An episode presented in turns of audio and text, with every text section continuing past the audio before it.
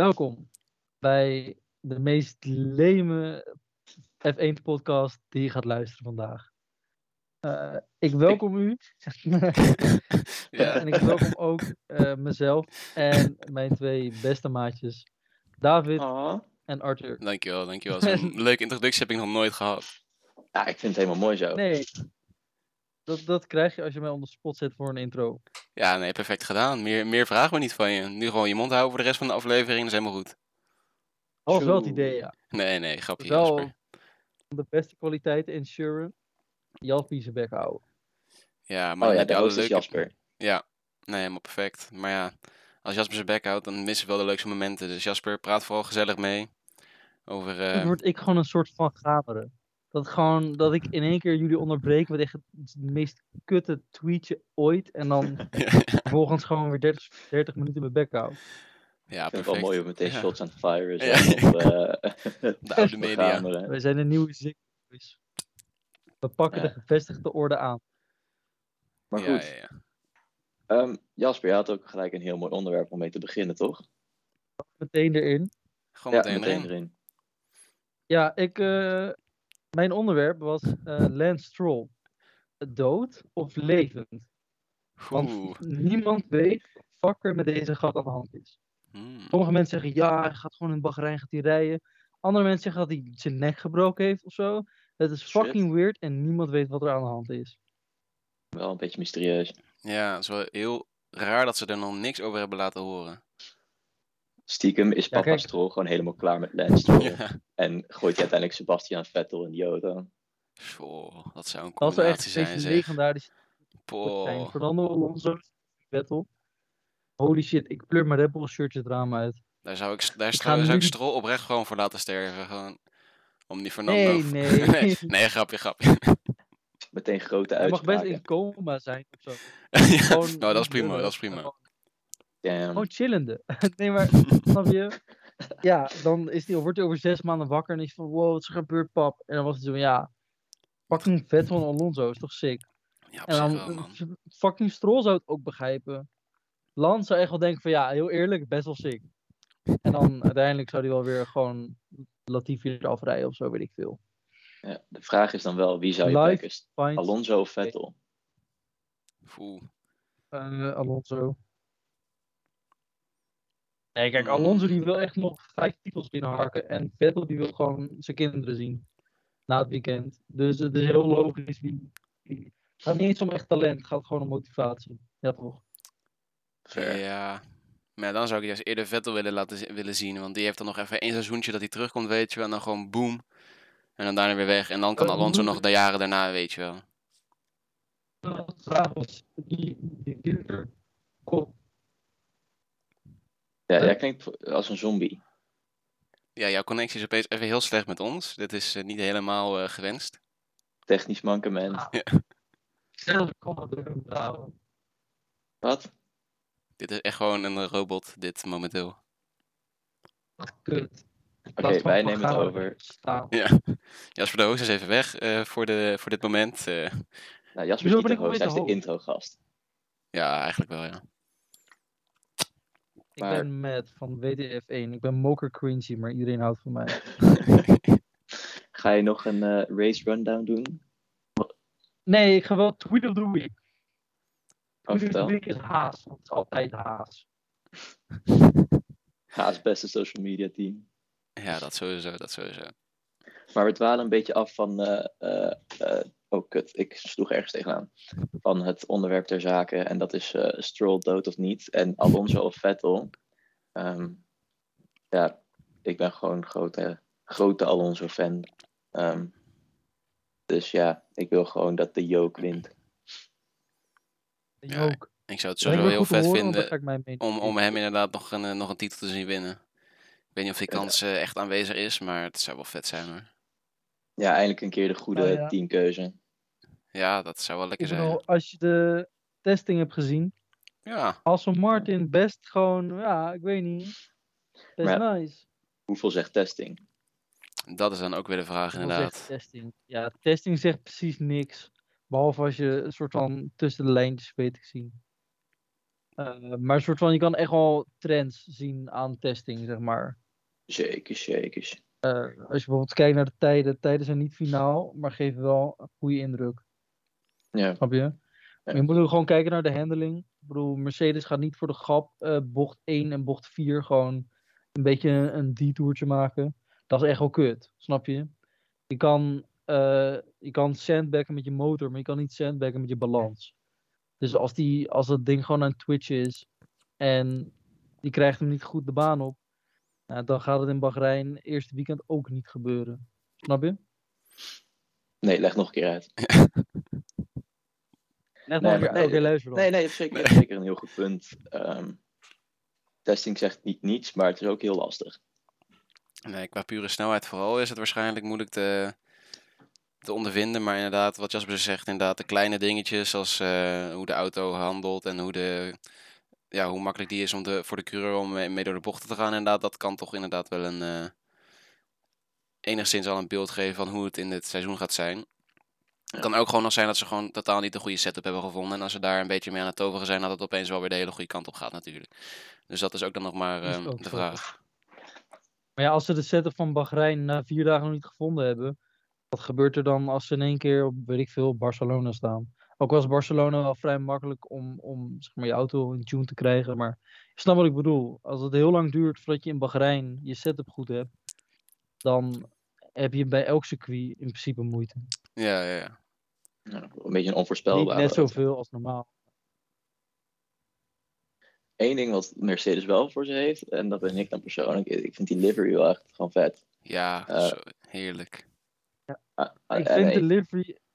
Ja, nee, wa- wat wilde je zeggen? Voordat ik Ja. met mijn negatieve gezeik er in één keer doorheen ga. ja, aan de ene kant alleen maar zwart is wel heel standaard. En ik vind het een beetje irritant dat alle auto's nu richting zwart gaan. Maar ik vind wel dat het een beetje Mercedes een ding was. En het feit dat die een beetje neonachtige kleuren daarbij, die vind ik er wel goed bij passen. Eh, ook het feit dat ze verschillen tussen Russell en Hamilton vond ik ook wel nice.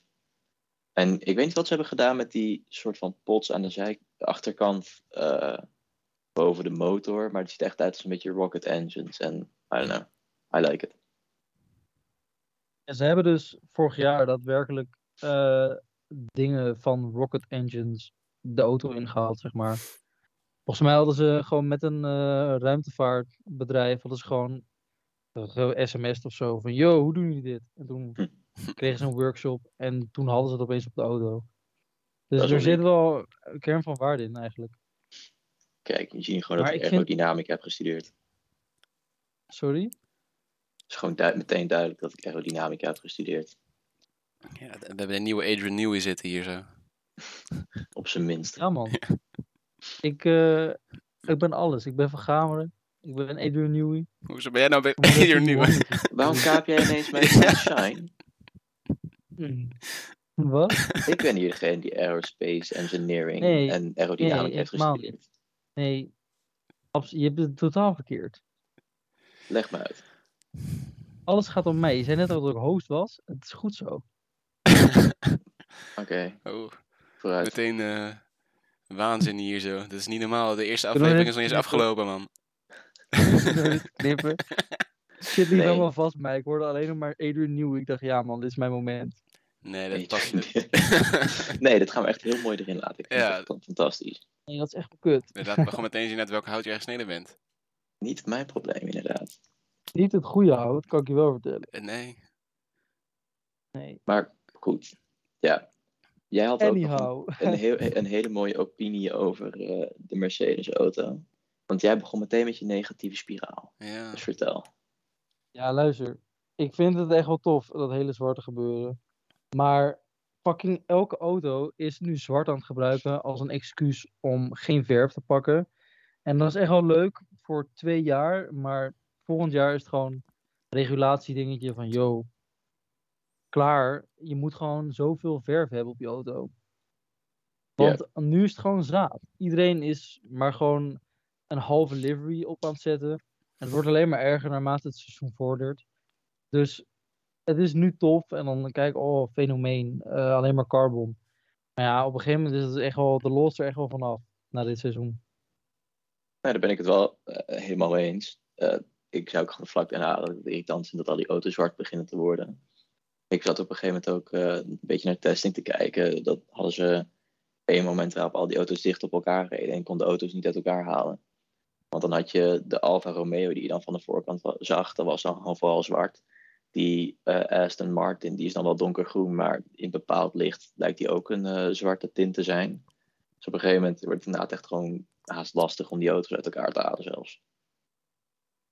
En het is niet helemaal eerlijk, vind ik. Als je degene bent van, ja, ik ben zwart, eh, dus ik heb de minste verf. Het is gewoon niet eerlijk.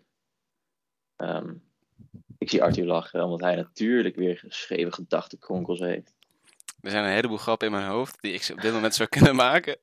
Maar ik hou mijn mond. Ik hou, ik hou ze binnen. Dat is denk ik niet, eh, nog niet helemaal. Dus als we binnen vijf minuten gecanceld worden, omdat jij echt een super domme grap maakt, dan ben ik er niet klaar mee.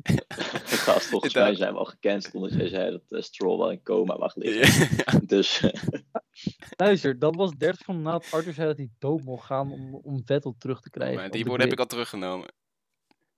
Hoe heb je Dus, dat eh, terug? Je hebt het gezegd. Toen zei ik, nee, nee, grapje. En toen zei jij, maar hij mag wel in coma liggen voor mij. En dat heb je niet teruggenomen. Dus dit is, dit is voorkomen door jou dan. Als we gecanceld worden, het ligt niet aan mij. Nou, bij deze dan, bij deze, Strol, jongen, het spijt me, ik neem het niet terug. Sebastian Vettel is mijn held. Het is zes dat maanden. Kom op. Dat, deze gast heeft zo fucking veel geld, hij kan drie levens erbij kopen. Ik bedoel, zes maanden is niks. Gewoon even bij papi aankloppen en dan, eh, dan kan hij weer. Ja, ja, ik moet zeggen, wel goede F1-content dit. Ja. Maar om weer kort door te gaan over het Stroll-onderwerp. En ik denk dat dat misschien ook wat laatst is wat we over Stroll moeten zeggen. Lijkt me goed, ja. Ehm, lijken we straks nog een Stroll-podcast. Dat we ook niet hebben. Ja, ik, ik vind hem op zich best een goede coureur. Maar ik ben best wel benieuwd naar hoe Felipe Drugovich het voor hem gaat doen. Als hij de eerste race voor hem invalt. Want wat mij misschien wel grappig lijkt, is dat je weer zo'n scenario krijgt. eh, net zoals vorig jaar. Dat een Nick de Vries één keertje invalt. En gewoon bijna meer of hoger in het klassement staat eh, dan Latifi. Eh, hetzelfde geldt voor Hulkenberg, die geen eens punten had en nog steeds hoger stond dan Latifi voor bijna het hele seizoen. Dus ik ben benieuwd wat jullie voorspellingen zijn. Naar, gaat Felipe Drukovic ook gewoon de hele tijd boven Lance Stroll staan, ja of nee? ja dat ligt denk Ehm, ik Ja. ook heel erg aan... geef, mee. Ja, ja, het ligt ook denk ik wel aan hoe de auto natuurlijk uiteindelijk gaat presteren. Want als die wat maar ja, daar zat ik inderdaad ook al aan te denken. Want in de testing zat, zag de Aston Martin inderdaad best goed uit. In ieder geval in, in de handen van Felipe Alonso. Fernando Felipe Alonso, Alonso. sorry, Ferna- Fernando Alonso. Ehm, dus ja, als ze dat door kunnen trekken in de races, dan zitten volgens, naar mijn mening zitten er best wel wat eh, kansrijke punten in. Ja, weet je, ik zie ze niet meteen eh, steeds eerst eindigen, maar dan in de punten eindigen. Dat, dat is dan zeker een optie. En dan zat ik dus ook aan te denken van ja, Stroll heeft zijn goede momenten, maar heeft ook wel vaker slechte momenten. Dus kan hij dan überhaupt, als het er echt om gaat, is hij er dan ook om het team bijvoorbeeld naar een hogere positie te trekken? En ja, weet je, gaat hem dat lukken? Of, of ga je dan echt de echte Stroll zien die eigenlijk gewoon net te slecht is om in een topteam te zitten en te presteren eh, voor de, de echte topresultaten en de echte benodigde punten te, te pakken voor het team om hoger in het eindklassement te eindigen? Dus ik denk, en dan bij, bij mij ligt het daar ook ik denk een beetje eh, van af natuurlijk. Want ja, stel de auto is eigenlijk gewoon best wel kut en in ene punten rijden is wel knap. Dan zie ik inderdaad nog best wel gebeuren dat, eh, dat als Drukovic hem nu gewoon de eerste race in de punten rijdt, dat het voor Stroll heel lastig wordt om er weer boven te komen. Maar ja, weet je, als, als het een auto is die, die eigenlijk elke race wel verwacht wordt dat hij in de punten eindigt, dan ja, dat is natuurlijk wel een ander verhaal. Nou, vraag is ook een beetje wie gaat uiteindelijk de, de leader zijn in het team van Aston Martin. Wordt dat eh, Stroll die al heel lang bij het team zit en natuurlijk eh, met zijn papa erbij zit? Of wordt het Fernando Alonso omdat hij gewoon een grote legend is en de grootste ballen heeft van de twee? Dat is een hele goede vraag. Ik denk niet dat Alonso ja. zo... Sorry, Jasper, ga jij maar deze keer. Het ligt er heel erg aan wie de beste feedback geeft, toch? Ik bedoel, Stroll zal nooit genegeerd worden. Maar hoe serieus Fernando genomen gaat worden door de engineers, ligt gewoon aan één zijn prestaties. Maar het lijkt me sterk als Stroll of Drugovic eh, Fernando Alonso er in één keer uitrijdt. Eh, plus, je haalt ook niet een Fernando Alonso binnen om hem te gaan negeren, weet je wel. Dus het wordt echt wel een, een, een soort eh, dual effort, denk ik. Want Stroll gaat niet genegeerd worden. Dat is gewoon suicide van je career. Maar Fernando Alonso is Fernando Alonso. Ja, toch? Zeker. Ja, die is er echt niet naartoe gekomen om, om even tweede paard te zijn. Die wil ook wel echt invloed hebben inderdaad op wat er gebeurt en wat er, wat er met, de, met de voortgang van de auto ge- gebeurt inderdaad. Dus dat, ehm, ja, dat is, is misschien ook wel eh, juist lastig als je dan inderdaad twee kanten hebt die, die, willen, die wat anders willen of die allebei inderdaad een beetje invloed hebben en dan precies een andere kant op willen. Ja, wat ga je dan doen? Dat ben ik best wel benieuwd naar naarmate het seizoen vordert, ehm, hoe dat team dat dan gaat aanpakken. Ik wil ook wel een beetje advocaat voor eh, Stroll spelen. Eh, of advocaat van de duivel, maar dat vind ik een beetje gemeen eh, om dat tegen hem te zeggen zo. Want ja, sommige mensen zeggen de grote coureurs die zorgen ervoor dat er veranderingen komen in het reglement. Arthur had het net al over dat Stroll wel eens een momentje heeft. En wat ze nu hebben gedaan voor dit seizoen is natuurlijk die spiegels groter gemaakt. En ik ben ervan overtuigd dat ze het hebben gedaan omdat Stroll nooit in zijn spiegels kijkt. Dus ehm, ja, als ze die groter maken, misschien meer succes. Ja, Ja, dat kijk, zou, het dat zou hem aan- kunnen, ja.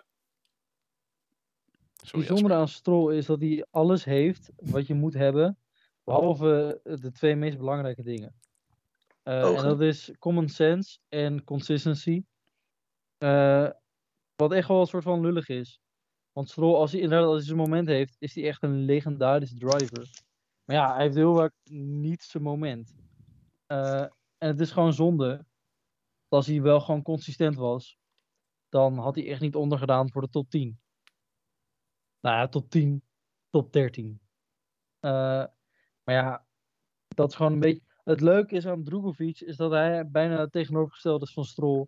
In de zin dat hij niet een enorm groot talent is. Maar heeft het Formule 2 kampioenschap puur gewonnen omdat hij moger consistent was vorig jaar. Dus dat is wel een, eh, bijzonder dingetje eigenlijk. Maar dat Drogovic, ik denk niet dat hij heel veel gaat rijden. Tenminste, ik hoop niet dat hij heel veel gaat rijden. Ik zou het zielig vinden voor Stroll. Ook al Ook is dat een beetje in, contrast, in contrast met wat ik vijf minuten geleden zei. Maar ik wil wel gewoon, ik wil niet excuses horen dat Fernando Alonso Stroll keihard heeft ingemaakt, omdat Stroll heel veel ervaring heeft gemist met de auto of zo. Snap ik bedoel? Ja. ja. Nou, en zelfs dan pleit voor eh, Fernando Alonso dat hij nieuw is bij het team. Dus dat sowieso knap is. eh, stel, hij zou eh Lance Stroll eruit rijden. Maar goed. Ehm, Is het knap, het wordt wel verwacht. sorry. Ja, het wordt wel verwacht, maar je moet het ook nog wel even doen. Ik bedoel... Tot zover, denk ik, onze landstrolkast. ja. Is dit een eerlijk. mooie segue voor de pre-season predictions? Lijkt me goed Ja. plan, ja. Ik heb ook wel een, eh, meteen een leuke om te beginnen. Oeh. Ehm, aan, ja, nee, gewoon een beetje een bruggetje van. Mhm. Je moet het ook nog maar even doen. Ehm, want ik hoor heel veel mensen, of ik hoor, ik lees heel veel mensen die zeggen dat eh, Nick de Vries, Yuki Tsunoda, er keihard uit gaat rijden. Ehm, ik vind dat Nick de Vries eh, super getalenteerde jongen en ik denk ook dat hij heel snel gaat zijn. Maar ik vind het ook nog niet zo eh, vanzelfsprekend dat hij zomaar Yuki Tsunoda eruit rijdt. Want inmiddels is het toch wel het derde seizoen van Tsunoda bij AlphaTauri. Ja. Ja, ik vind het toch wel inmiddels een eh, aardige bak aan ervaring. En Tsunoda is gewoon snel. Hij heeft talent. Ehm, en bij hem is consistentie, consistentie dat geen Nederlands woord. Eh, consistency is gewoon een probleem bij hem. Dus eh, Dat is gelukkig wel een Nederlands woord. nee, maar kijk, consistentie, dan ga je het hebben over consistentie van voedsel. Ja, dat is iets heel anders. Ja, ja, ja, ja. Dat Dus consistency is wel duidelijk, joh. Ik studeer geneeskunde en ik weet heel veel dingen over voedsel. Nee, Kijk mij ik slim studeer zijn. aerodynamica. Oh ja. Weet je nog? Dat heb jij ik niet studeer gehoord. sociologie en ik ben stiekem heel onzeker over mijn studie. Heb je nog een persoonlijk Eh, inkijkje in ons leven? Ja. ik, had, ik had een heel goed eh, antwoord op wat je aan het zeggen was, maar ik ben wel vergeten wat je aan het zeggen was. Dat Nick de Vries Oh ja, toch maar even Tsunoda eruit moet rijden. Ik denk sowieso, als dat gebeurt, eh Tsunoda meteen weg. Ik Ja. denk als Tsunoda niet echt eh, Nick bijna met de vloer gelijk maakt, dat hij echt wel weggaat. Tenzij Honda iets uit hun eh hooghoed tovert. Want nou laten we eerlijk zijn, hij had gewoon een, nog een jaartje in de Formule 2 gedaan. eh, als Honda niet eh, zijn zegje had gedaan. En dat was misschien ook wel goed voor hem geweest. Want in Formule 2 was hij echt, echt heel goed. Ik had echt heel veel hoge verwachtingen van hem. En toen viel in de Formule 1 wel een beetje tegen. Eh, Frans Tos heeft wel gezegd: je hebt drie jaar nodig voor een rookie om zijn volledige potential te zien. Nu is het zijn derde jaar, is het ook wel echt eh, alles of niets, zeg maar. Spompen of verzuipen voor Yuki. Eh, want er is wel gezegd dat Nick heel veel ervaring met zich meebrengt. Ook is dat al gezegd door het team. Mhm. Dat hij gewoon heel veel goede feedback heeft. En dit soort, eh nou, geprijs heb ik nog niet gehoord over Yuki Tsunoda. Dus al zouden ze gelijk zijn, denk ik dat het team toch meer heeft aan, aan de bron van ervaring die Nick dan zou zijn. Eh, wat ik ook enigszins in twijfel stel. Maar goed, ze waren allemaal eigenlijk heel enthousiast over hem. Dus dat kan eigenlijk ook maar één ding betekenen. Ik denk wel dat het natuurlijk ook vanzelfsprekend is en PR-technisch en qua imago logisch is om je nieuwe aanwinst ehm, te prijzen. Dus dat dat ook meer aandacht krijgt dan Yuki Tsunoda. Ehm, want Nick de Vries is toch wel het nieuwe speeltje, eh, om dat maar zo te zeggen. Is ook zo. Dat is wel waar. maar het is wel inderdaad zo dat ze meteen ehm, hele hoge verwachtingen van hem uitspraken aan de media. En dat dat misschien wat meer is dan dat je normaal zou doen als je... Je zou kunnen zeggen van, oh, hij heeft veel talent, we verwachten veel van hem. Maar er werden ook volgens mij dingen gezegd als van, ja, we verwachten van hem dat hij het team gaat leiden, dit, dat, zus, zo. Zeker, nee, dat, Dus, ben ik ook met jullie eens. Maar het was gewoon even om het ook wel ergens een beetje te relativeren. Nee, nee, klopt. Dat is zeker waar. Het zal inderdaad vast een beetje meer een, ho- hoger opgespeeld worden dan, dan dat echt is om de media inderdaad te pakken en, en een leuk imago te creëren. Maar er zal, er zal ook wel een kern van waarheid achter zitten. Dus ja, ik weet niet. Ik hoop, het lijkt me leuk in ieder geval als de Vries goed gaat presteren. Ehm, ik vond Tsunoda ook altijd wel een leuke coureur om naar te kijken. Dus ik hoef nou ook niet per se dat hij eh, er helemaal van afgereden wordt en, en dan zijn stoeltje kwijtraakt. Maar het gaat inderdaad zeer interessant worden. Wat Jasper al zei, dat Tsunoda moet nu echt wel gaan presteren. Want dit is het derde jaar. En als hij nu door iemand die het eerste jaar in zijn auto springt, hem er meteen van afrijdt, dat, dat, dat gaat hem geen goed doen. En dan is hij denk ik gewoon zijn plaats in de Formule 1 kwijt. Gerucht Vraag. op de straat is wel dat Alfa Tauri in de verkoop staat. En als je een Mario Andretti bent, of een eh, Porsche, of wie dan ook, dan weet ik wel wie ik zou willen houden. En het rijmt niet op Puki Tsupopa. Het is echt wel niks. Want ja, die gast heeft gewoon veel meer ervaring. En dat klinkt, dat heb ik net ook al gezegd, en dat klinkt heel eh, stom om te zeggen. Maar deze gast weet wel beter hoe het werkt dan Yuki. Want Yuki lijkt niets echt serieus te nemen. Tenzij het moet. Eh, het hele probleem was in, in zijn eerste jaar in de Formule 1 van Yuki. Dat hij gewoon eigenlijk alleen maar Call of Duty aan het spelen was. En dat niemand echt wist wat, hij met, wat, wat ze met hem aan moesten. Eh, want hij nam het gewoon niet serieus genoeg. Nou ja, dat laat ook niet per se eh, zien dat je er echt voor wil. g- En dat klinkt natuurlijk heel stom dat je er echt voor wil gaan. Maar laat wel de prioriteit en de motivatie zien. lijkt. Ja. Ehm, mijn vraag is dan weer aan jullie. Wat denken jullie? Gewoon, gewoon een voorspelling. Wie van de twee eh, eindigt hoger aan het einde van het jaar? De Vries. Yuki. Yuki gaat bij één race gaat hij echt, of een paar races heeft hij echt een paar briljante dingen. Want ik gok dat Alfa Tauri niet heel hoog in de standings zal, komen. En als Yuki dan een paar dingen uit zijn hoge hoed tovert, dan heb je zo in één keer 10 of 11 of 12 of 30 punten.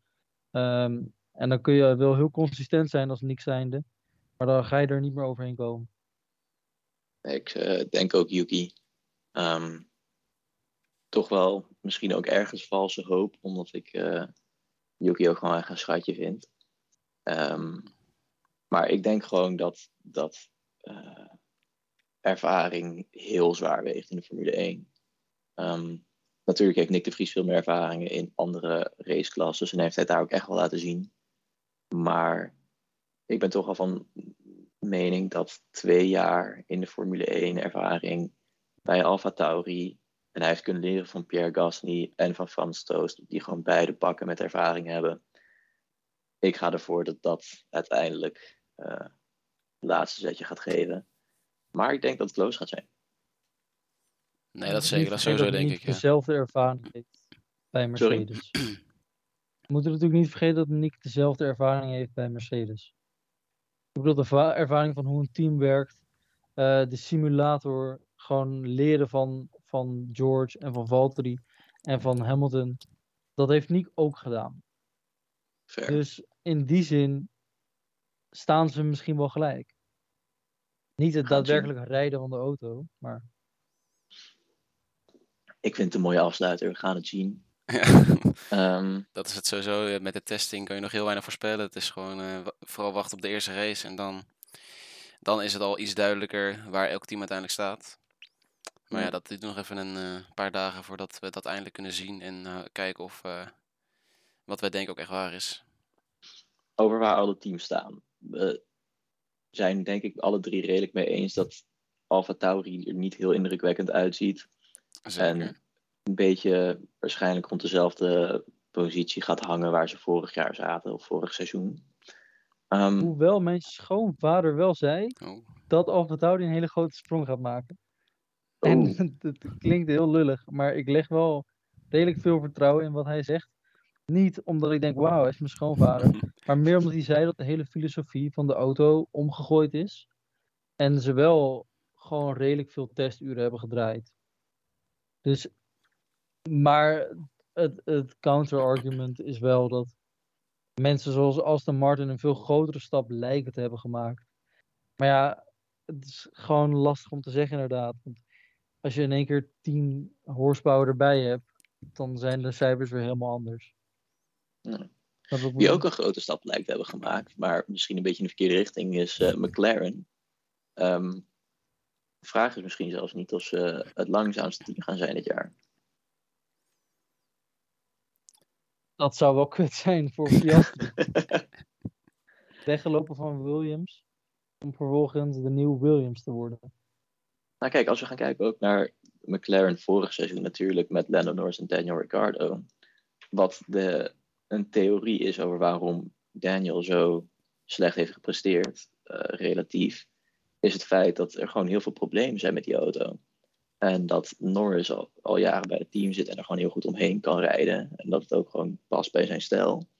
Maar je ziet nu ook weer bij testing, ze hebben gewoon veel betrouwbaarheidsproblemen. Ze gaan die eerste paar races daar echt wel last van hebben. Feit dat ze daar minder rondjes van hebben gereden. En die auto, die lijkt gewoon ook niet heel snel te zijn. En ja, misschien gaan we gewoon weer een beetje zelf het afreden zien. Dat Piastri gewoon echt niet uit de voeten kan met uh, die auto. Um, en ik zag zelfs voorbij komen dat de snelste ronde van McLaren dit seizoen langzamer is dan wat ze vorig seizoen hebben gedaan. Het is ook wel een opwindende gedachte natuurlijk. Maar als je kijkt naar waar ze vorig jaar waren. Uh, volgens mij zijn ze P20 of zeg maar echt de laatste en ene laatste geëindigd in de Bahrein Grand Prix van vorig jaar. Uh, en twee weekenden daarna stonden ze op het podium. Uh, dus het is met McLaren misschien in particular heel moeilijk te zeggen. Omdat ze blijkbaar de betrouwbaarheid niet goed onder controle kunnen krijgen. Als ze nog geen echte ervaring hebben met de auto. Gewoon in de simulator. De simulator is ook gewoon ontzettend verouderd. En ook gewoon niet meer nice. Um, dus ik denk dat McLaren wel een stap gaat kunnen maken binnen de eerste vijf Grand Prix. Maar ja, Piastri is natuurlijk wel een groot vraagteken. Ja. Heel veel hype rond die gast. Ja, dat was ook rond Ricciardo. Nee, klopt. Ben ik wel inderdaad heel benieuwd naar om te kijken of die uh, iets meer van de verwachtingen van de tweede coureur kan waarmaken als dat Ricciardo kon. Of dat het inderdaad toch misschien wat meer een, uh, wat David al zei, probleem ligt. Het probleem is dat het meer bij het team ligt dan bij de, bij de coureur zelf inderdaad. Dat die er gewoon veel meer tijd nodig heeft met zo'n auto om echt te kunnen besnappen wat er mis is met een auto en, in, en er wat effectiever mee te kunnen rijden. Ja, ja. ja de vraag is nu, uh, wie gaat wel het laatste team zijn? Als het niet McLaren is. Ja. Ja, Williams. Ja, ja denk je Williams? Of Alfa Romeo. Want Kijk, de, eh, de krachtbron schijnt heel sterk te zijn van Ferrari. Maar die Alfa Romeo is nu alweer keer stil gaan staan volgens mij. Dat was vorig jaar ook echt een drama. Dus ik heb wel veel, veel hoge verwachtingen van, van Guan Yu Yu. En Valtteri, die, die er ook wel van. Maar ik ben wel bang dat, dat Alfa Romeo niet de stap heeft gemaakt die ze denken dat ze hebben gemaakt. Hm. En Williams maakt ja. wel heel veel betrouwbare, betrouwbare rijronden, maar Logan Sargent is ook nog een beetje twijfelachtig. Ook al hoop ik wel dat hij het goed gaat doen. Ja. En de auto is gewoon niet super, lijkt het. Nou, als we kijken naar vorig seizoen, toen had eh Alfa Romeo in de eerste race gelijk eh, P5 met Valtteri Bottas. En toen oogde die auto juist heel sterk aan het begin van het seizoen. En dat was het ook. En daarna zijn ze gewoon heel erg afgezwakt. Ja. En aan het einde van het seizoen waren ze echt wel een van de langzamere auto's, omdat ze niet hebben doorontwikkeld. Ehm, of in ieder geval geen effectieve Nou, dat- upgrades hebben eh, kunnen pla- weten te plaatsen. En het Dat zou heel goed kunnen dat die. echt. Hm? Ja, het, het hele ding met Alfa Romeo was dat ze super licht waren in vergelijking met de andere auto's. De andere auto's toch gewoon, zijn best wel een stuk afgevallen over zeg maar, de loop van het seizoen. En je kan niet lichter worden dan, dan het minimum. Dus dat was hun edge. En die zijn ze gewoon verloren. En vervolgens hebben ze inderdaad niet per se doorontwikkeld. Maar eh, dat, dat was het grootste ding, zeg maar. En dat, dus ze kunnen nu ook niet opeens weer nog lichter zijn. Snap je wat ik bedoel? Nee, precies. Maar dat, dat is ook inderdaad wat ik zei. Eh, zij waren aan het begin heel Nou, snel. heb ik, eh, relatief gezien. En die competitie, die is uiteindelijk gewoon sneller snel geworden dan zij. sneller, sneller. Ehm, en Alfa Romeo is wat dat betreft inderdaad een beetje gaan stagneren. En nou, jij zegt de oorzaak daardoor is gewoon lager gewicht. Laag gewicht, op een gegeven moment kan je niet lager. Prima. Maar die upgrades die ze daarna hebben toegevoegd, die hebben gewoon niet zo heel veel uitgemaakt. Ehm, en daar zijn ze waarschijnlijk gewoon nu een beetje in blijven hangen. En die betrouwbaarheidsproblemen dus ook niet opgelost. Dus het zou heel goed kunnen dat, ehm, dat zij het laatste team gaan zijn dit seizoen. Eh, daarbij heeft Williams natuurlijk ook eh, Alex Albon, van wie ik echt wel hoge verwachtingen heb. Eh, zelfs als Williams niet zo'n beste auto heeft, denk ik dat hij echt nog wel wat eh, punten gaat meesprokkelen. Ja, dat is zeker wel een goed punt inderdaad. Die jonge jongen loopt nu ook al lang rond in de Formule 1. En vorig jaar deed hij ook al een paar keer hele goede dingen. dus als die, enigszins, die auto enigszins competitief is, dan kan hij dat er zeker wel uithalen bij bepaalde circuits inderdaad. Dat is eh, altijd wel leuk. eh. en, inderdaad hopen dat die Sargent ook eh, wat meer van dat soort kwaliteiten heeft. Dat hij dan ook, ehm, dat ze met twee auto's eventueel wat vaker om punten kunnen strijden. In plaats van dat het eigenlijk alleen maar altijd Albon was. Of toen in de tijd ervoor nog eh, George Russell en dat ehm Latifi er een beetje achter reed. Goeie oude tijd. We beginnen gewoon ook allemaal te lachen wanneer we die horen. Jongens, Ja. wie gaat het hardst fumbelen dit seizoen? Welke rijder? Rijder. Niet per se wie gaat twintigste zijn in het klassement, maar wie gaat echt wel een soort van de grootste faalhaas van het seizoen zijn. Ik zullen het weer onderverdelen onder de rookies en de eh, ja, het huidige grid, of de mensen die er al een tijdje zitten. Ja, sure. Kom maar. Ehm, ja, bij welke zullen we beginnen? Welke van de twee? Bij de rookies. Met de rookies, denk ik. Rookies. We hebben Sargent, Piastri en De Vries. Yes. Mis ik er nog één? Nee. Nou, ik denk persoonlijk dat Piastri gewoon in, pers- of in vergelijking tot Lando Norris er het verste achter gaat staan. Ehm, niet per se dat Piastri dan gewoon slecht doet of een slechte coureur is, maar ik denk dat bij hem gewoon het meeste gaat opvallen. Ehm, dus mijn stem gaat uit naar eh, Oscar. Ja, ik denk inderdaad ook wel dat, ehm, dat die McLaren het moeilijkste is om te handelen. Dus dat voor Piastri ook het moeilijkste inderdaad is om resultaten te gaan halen. En ik, ik denk bijvoorbeeld dat bij, voor Sargent, Sargent de lat ook wat lager ligt, omdat Williams van vorig jaar zo ver terugkwam en waarschijnlijk niet als een van de betere teams gaat strijden. Dus dan ligt de lat ook, dan, dan ligt de druk ook wat lager om echt goed te presteren. Ehm, en ik, ja, ik heb gewoon vertrouwen in de Vries. Dus daarom heb ik hem sowieso niet eigenlijk. eh, neem ik hem niet eens mee in mijn, in mijn overweging. Maar dan denk ik inderdaad ook meer dat Piastri sneller eh, niet helemaal eh, gaat doen wat er van hem verwacht wordt. Ja, kijk, het ding met Piastri is als je van de, de nou ja, kwaliteit van McLaren uit mag gaan dat ze wel in het middenveld zitten, gaat het gat misschien gewoon heel groot worden. Want je kan dan verwachten dat Lando echt wel meedoet voor in het middenveld. En als Piastri gewoon nog aan de auto moet wennen, of gewoon net even niet zijn dag heeft, dan zit daar vaak best wel gewoon een groot gat tussen. Want het middenveld is gewoon best wel stevige competitie. Als Williams daadwerkelijk zo nou ja, slecht is, zoals we zeggen, dan is het voor Sargent gewoon makkelijker om eh, relatief minder zaad te lijken. Omdat, eh, ik bedoel, als er één of twee hazen tussen zitten, of Alfa Romeo's, ja, dat maakt toch niet uit, weet je. En dan dan gaat het waarschijnlijk toch niet om punten. Dus als ik uit mag gaan van het feit dat McLaren toch al beter is dan de andere twee teams met een rookie, dan gaat daar het, eh, het verschil gewoon veel groter zijn. Omdat het gewoon meer competitie is. Is wat ik denk. Ik moet wel Daarbij, zeggen, ik heb daarbij. daarbij is Piastri de eerste die is gespind tijdens de testing. Ja, ik vind het wel heel erg telling. Ja, Nee, daar gaan we echt de he- alles, alles, maar dan ook alles op baseren. Ja, maar kijk, wij zijn, dat is ook gewoon heel duidelijk vanaf het begin. Ik weet niet, waarschijnlijk luisteren mensen al lang niet meer. Maar wel heel telling van onze podcast is dat wij het echt geen überhaupt? idee hebben waar we het over hebben. ja, we hebben het over Formule 1, hè? Dat weten we Ja. wel. Maar ik bedoel, echt verstandige zaken. Nee. Wat zei je? Ja. Testing gekeken, wat was jij? ja, ik zei, hebben jullie überhaupt de testing gekeken? Dit seizoen niet. Vorig seizoen wel gedaan. Je hebt ik gewoon- heb echt geen rol aan gehad. Gewoon de, die drie filmpjes van app 1 gezien op YouTube. Ja. Van, van eh, twee minuten of zo.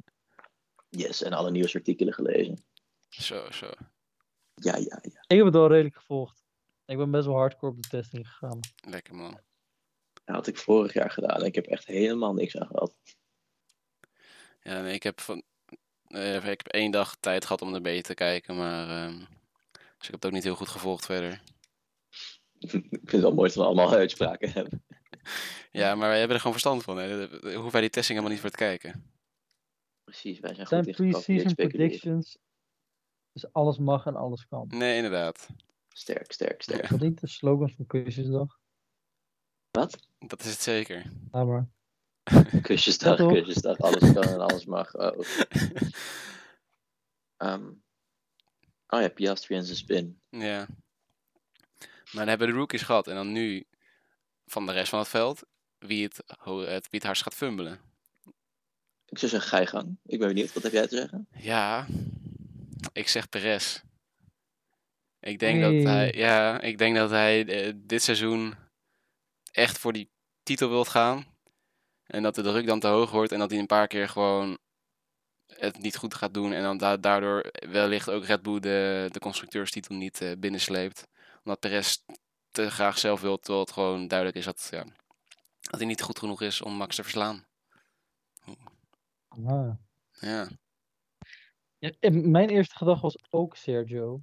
Ehm, maar ik heb wel natuurlijk go- goede dingen gehoord van, eh, van Horner. Die zei ja, zelfde feedback als Max. Dat biedt toch weer vertrouwen en dat is gewoon nice. En Checo zegt dat hij de beste zomer ever, ev- de beste winter ever heeft gehad of zo.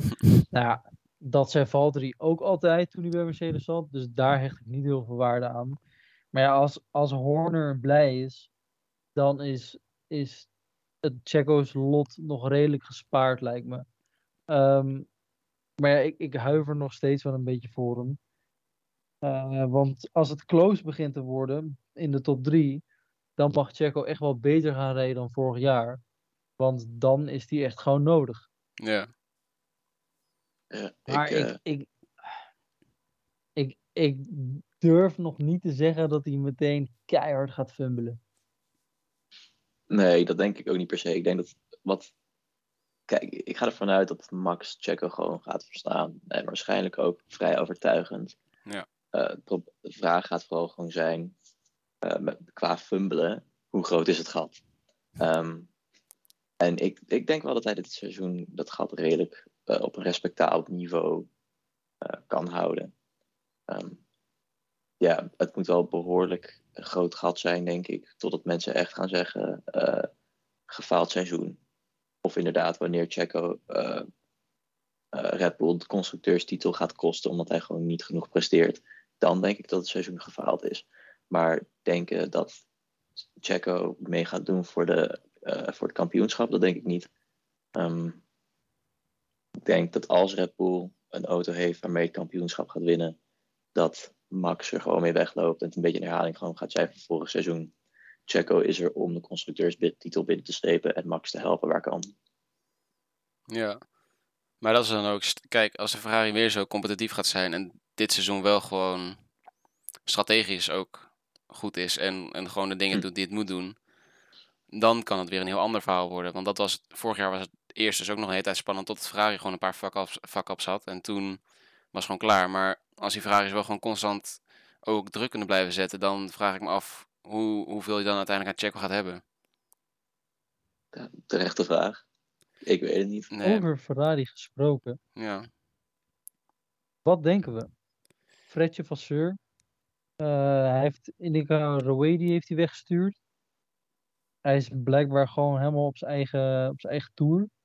Denken we dat het een soort Binotto 2.0 gaat worden? Of zien we nieuw, nieuw Italiaans licht? Mm. Ik denk eerlijk gezegd dat hij in zulke korte tijd nog geen wonderen kan hebben verricht bij Ferrari. Ehm, wel denk ik dat hij een goede teambaas is, maar dat het pas volgend seizoen echt te zien gaat zijn.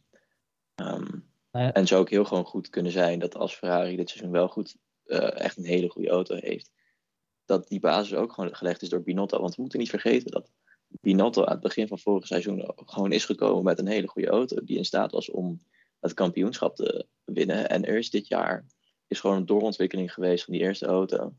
Dus stel uh, dat Ferrari dit seizoen het, uh, de titel wint, de Drivers Champion uh, titel wint, dan denk ik dat, die, dat er gewoon echt best wel een groot deel van de eer uh, nog bij Mattia, en de credits bij Mattia Binotto liggen. Um, ja, dat, dat, denk ik. Ja, kijk, dat is mijn, mijn ding dus. Je zegt, ik denk niet dat Fred Vasseur meteen wonderen kan verrichten. En mijn vraag is, zijn er echt wonderen nodig? Want inderdaad, wat je zelf al zegt, Binotto heeft echt best wel een goede package gewoon geleverd vorig jaar. En de enige dingen die echt misgingen was nou, reliability. Men zegt dat dat eigenlijk helemaal gefixt is, dat ze hem gewoon full power kunnen gaan runnen. Dat er echt wel dikke horsepowers bij zijn. Um, en nou, de strategie was ontzettend kut. Nou, die gast is ook weggestuurd, dus het nu ook een nieuwe persoon. Betekent niet dat Ferrari opeens een soort 2004 revelation gaat krijgen. Maar ja, waren er echt wonderen nodig? Nee, er waren gewoon een paar kleine dingen die een heel groot, een grote impact hadden. Dus Fair. als dat efficiënt is aangepakt, dan heb je echt nog wel een titelstrijd. Nee, klopt zeker. Nou, de basis was er op zich inderdaad gewoon kleine dingen die ze niet goed deden. En ik denk zeker dat het hem zou moeten lukken om dat soort dingen eruit te kunnen krijgen. En inderdaad, in ieder geval gewoon strategie uh, gewijs het gewoon al goed te doen. En dan ligt het nog aan hoe de auto daadwerkelijk presteert. Of het weer zo'n goede titelcontender is als vorig jaar. Of dat het nog wat meer eh, meevalt dit seizoen. Ja. Ook alweer een beetje te nuanceren uh, hoe erg een titelcontender de Ferrari-auto was uiteindelijk. Als we gaan kijken naar het tweede seizoen zelf, is Red Bull gewoon keihard weggelopen bij uh, Ferrari. En is Ferrari uh, ook bijgehouden of ingehaald. Of in ieder geval, Mercedes is uiteindelijk ook op de pace gekomen van Ferrari. Nou, Mercedes was misschien iets meer circuitafhankelijk. Maar die ontwikkeling van die Ferrari-auto, die is uiteindelijk ook wel redelijk gestagneerd. Um, dus de vraag is nu ook, hoe staat die auto er wel voor ten opzichte van Mercedes? Is Mercedes Ferrari niet voorbijgestreefd? Nou, het, het ding met Ferrari in het tweede seizoenshelft was vooral dat de, de vloer regulation, er was iets mee. En dat was gewoon niet helemaal in hun voordeel. Je mag aannemen dat het nu al redelijk gefixt is. Als je een hele winter daarvoor hebt. En dat ze de engine terug moesten schroeven, omdat ze anders alleen maar gingen DNF'en. Nou ja, dat is dus klaarblijkelijk ook gefixt. Omdat die auto anders de hele tijd in de fik vloog. zelf. ja. En kijk, de tweede seizoen zelf was best wel gewoon een enorme schaamtoer voor, eh, voor Ferrari. Maar als ik nu ook. Mercedes heeft weer een soort. Nou ja, eigenlijk, eigenlijk is de testing van dit jaar redelijk hetzelfde in de top 3 dan. eh, als vorig jaar. Want Mercedes heeft best wel gewoon gehad. Heel veel dingen gingen niet goed.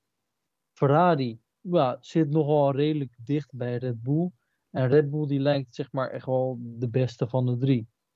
Ja, vorig jaar de van, Ferrari ik- wel de beste, hè? Tijdens testen. Is dat zo? In de kwalificatie misschien wel, maar de longrun pace kan ik me herinneren dat mensen nog echt wel heel veel vertrouwen in Red Bull leggen. Ja, dat, dat is waar. Dus dat, dat is wat meer op hetzelfde niveau. Maar qua ruwe pace deed die Ferrari echt wel het snelst aan het begin. Dus ik vraag me af of de, de lijn van het seizoen, zeg maar, of die, van het vorige seizoen, of die doorgetrokken wordt. En dat Mercedes in één keer weer een, een grote, grote stap heeft gezet. Het lijkt juist dat het weer een beetje terug is gekomen bij, ja, bij het begin van vorig jaar. Dat we misschien wel hetzelfde gaan zien. Het zou goed kunnen. Ja. Ehm, Maar ja, nu hebben we nog steeds jullie fumbles niet gehoord, hè? oh, wow. Ja, Ik, zat te Ik ben denken echt wel benieuwd. We zijn inmiddels eh, bijna drie kwartier bezig. Ik denk dat we hem richting een einde moeten brengen. ja, ja, hebben daarom wil ik even die fumbles horen. Dan kunnen we met een Dan gerust doen we de gevoel fumbles en afsluiten. dan sluiten we hem heel professioneel af. Precies, precies. we laten hebben het allemaal goed afgesproken. Cliffhangers, man, man, man. Wil jij met een dan fumble horen? dan op. Of... Netflix-serie. Ja. Volgende keer hebben we onze main character Jasper vermoord. En dan is het alleen nog maar Arthur en ik. Ja, ja. Dat is strangely wel een cool plot. Of zo, ja, kijk, als ik een soort van de enige sukkel was die deze podcast aan het luisteren was, ik was van ja, nu wil ik wel weten wat er met deze gast gebeurt. Hebben ze hem echt vermoord voor de cloud? Wat gaande? Snap je? Ik zie ook nog wel dat, Ja, maar- dat, dat we morgen eh, met z'n allen ook gewoon die podcast gaan terugluisteren. Van, is het nou gewoon nog interessant wat wij vertellen, ja of nee? Absoluut niet interessant. Het is super Het is een soort interessant dit. beetje white noise die je gewoon opzet als je aan het studeren bent. Eh, Ja. Alleen dan echt wel heel erg kut. Ja, om eerlijk te zijn, luister ik zelf helemaal geen podcast. Maar dat maakt Ik niet uit. niet. Ik luister alleen luisterboeken. Misschien Oh wel ja, nee. beter kunnen doen over Harry Potter. Ja, ik moet nog een beetje bijlezen, dan kunnen we het wel over. Maar eerst van Ja, de fumbles. We dwalen weer helemaal af, inderdaad. Fumbles. Ja, Ah. David, kom maar. Ja, ik heb twee namen die een beetje eh, bij mij opkomen. Nog steeds niet heel diep over nagedacht over de fumbles. Je hebt me wel een beetje overvallen daarmee. Ehm, maar er zijn twee namen die bij me opkomen. Toch Yuki Tsunoda. Hoewel ik eerst zei dat hij Ja. wel van Nick de Vries gaat winnen. maar het wordt bij hem of het een of het ander. Ehm, en Nico Hulkenberg. Eh, Mm. en het is misschien een beetje een rare. En ik heb ook niet een hele goede onderbouwing voor, voor Nico Hulkenberg. Maar het is gewoon een beetje een onderbuikgevoel. En daarbij is Nico Hulkenberg toch wel een beetje van het choken eh, van podiums. Dat is, Podia. nou, dat is echt heel erg uit proportie geblazen natuurlijk.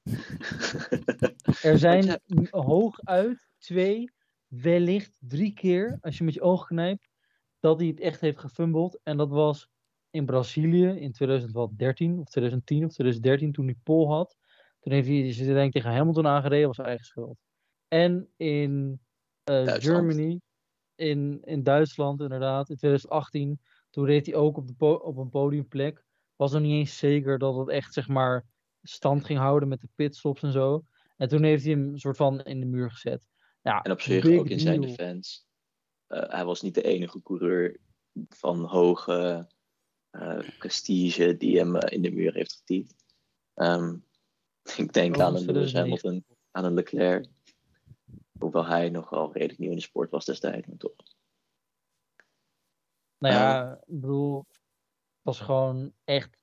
Want iedereen heeft hem in de muur gezet. Max is ook gesprint. Dat was drama. Ja, ja. Maar het, zoals ik al eerder al zei, het is eerder een onderbuikgevoel. Ehm, ik denk wel dat Kevin Magnussen Hulkenberg eruit gaat rijden.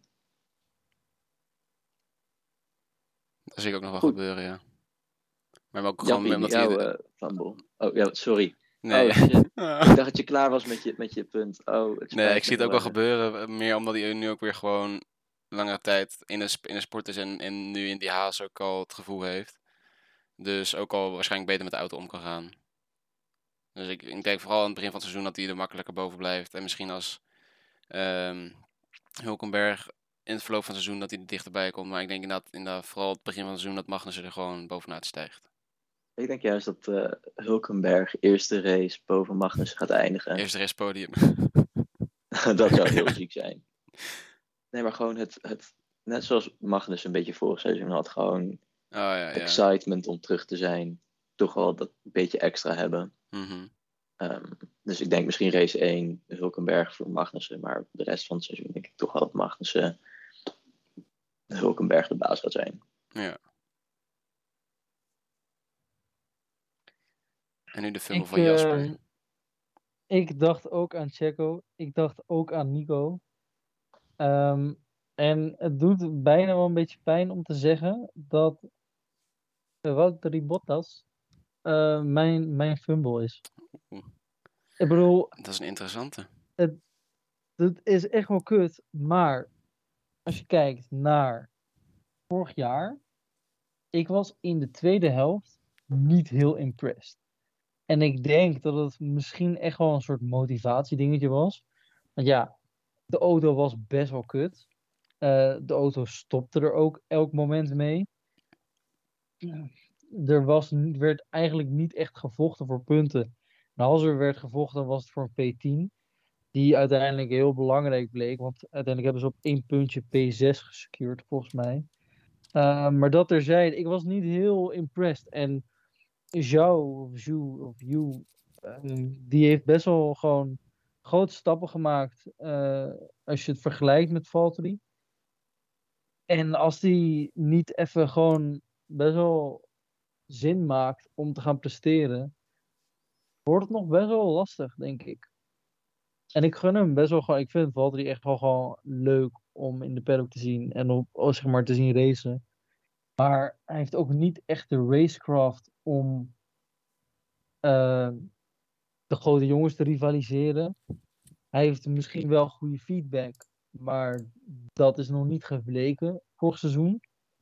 En qualifying pace met deze generatie auto's valt toch tegen hoe belangrijk de qualifying is. Uh, zie bijvoorbeeld Ferrari vorig jaar. Dus als dat zijn grootste strength is, dan wordt het nog best wel lastig voor hem. Ja. Denk je dat uh, het zijn laatste seizoen is? Laatste, ik weet niet precies hoe zijn contract in elkaar stak. Het was volgens mij twee jaar met een optie op drie of zo. En hij heeft wel gezegd dat hij graag bij Sauber wil blijven, ook als het Audi wordt. Maar ik denk dat Audi toch hele andere plannen heeft. Dus zelfs als hij zou blijven, um, zou ik wel gaan solliciteren bij andere huisjes. Ja, ja. Waar denk je dat andere huisjes, huisjes hem willen hebben? Wat? Ja, het is trouwens ook veel te ver in de toekomst. Dat wordt al heel vaag. Ja, laten we eerst maar gewoon afwachten wat het seizoen gaat brengen. Misschien dat hij wel uh, gewoon constant uh, P4, P5 rijdt. Ja, dan wil het elke team hem wel hebben opeens. Ja, nou, ik moet zeggen over Joe dat ik vond dat Joe juist het seizoen heel sterk begon. Ja. Als rookie gewoon best wel prima punten pakte. Maar richting de tweede helft van het seizoen, oké, die auto was een stuk minder goed. Maar toen was ik een stuk minder onder de indruk van Joe dan aan het begin. Maakte ook wat meer fouten. Ik weet niet. Ja, het valt er best wel een paar keer outqualified uh, aan het einde van het seizoen. Dat was voor mij mee, uh, vooral het ding, weet je wel. Ik bedoel, in de races kan er heel veel gebeuren waardoor een soort van je teammate voor je komt. Ook al mocht dat dan misschien niet helemaal terecht zijn. Maar het hele ding van Valtteri was, wow, kijk mijn tand hoe snel zijn. En dat zag ik niet helemaal meer terug. Want Zhou was op zich best wel gewoon hem best wel aan het outpacen in een, in een aantal races. En natuurlijk had Valtteri wel de overhand, maar dat was echt wel de minimum of zo. Hij is echt wel naar Alfa Romeo gehaald om de grote man te zijn. En om het maar even te gaan doen, zeg maar, voor Alfa Romeo. En ik mis dat. En dat, dat ligt of heel erg aan, nou ja, de auto, de engineering, gewoon dat het daar misgaat. Of Valtteri is toch niet helemaal een soort van, ook met feedback, een soort van de professionele gast uit Mercedes, eh, die ze naar binnen gehaald hadden. Zeg maar, dat ze toch andere verwachtingen hadden. Maar goed, zoals ik al zei, het kan ook in één keer helemaal anders uitvallen. En ik hoop dat het, dat niet Valtteri zijn laatste seizoen is. Maar ik heb wel, wat je zegt, misschien een soort onderbuikgevoel. Dat het toch wel tegen kan vallen of zo. Want ik denk dat zo wel een hele grote stap gaat maken. Of de potentie heeft om echt wel stappen te gaan maken. Maar ik ben ook wel enthousiast over zo. Maar we zullen zien inderdaad met Bottas.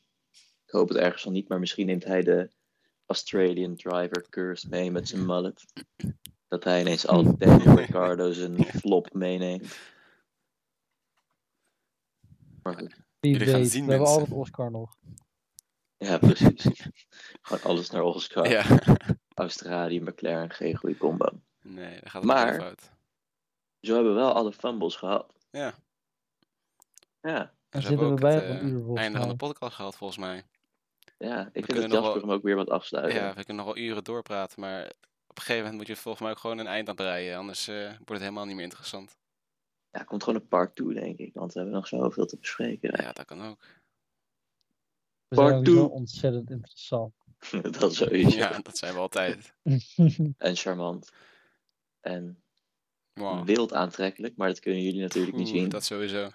Maar ik zit al de hele tijd nu die Arthur te staren. En jongens, jongens, jongens. Dat doet dan wel wat met me. Daar ga ik goed op. Oké, voordat het eh, echt een soort eh, erotica-podcast wordt, ga ik hier afsluiten, want dat moet ik doen. Ja. Ik ben het er heel erg mee oneens.